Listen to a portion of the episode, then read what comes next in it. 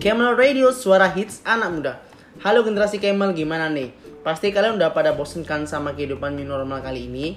Ditambah lagi sekarang Surabaya memperlakukan PSBB kembali mulai tanggal 11 sampai tanggal 25 Januari. Ke mana-mana harus social distancing, kafe-kafe juga tutupnya sore. Tapi kita mau tidak mau harus tetap patuhi protokol biar pandemik ini cepat selesai.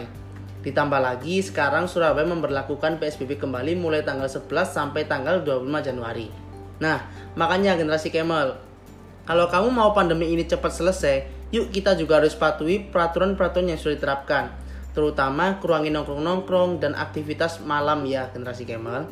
Iklan layanan masyarakat ini dipersembahkan oleh Camel Radio, suara hits anak muda.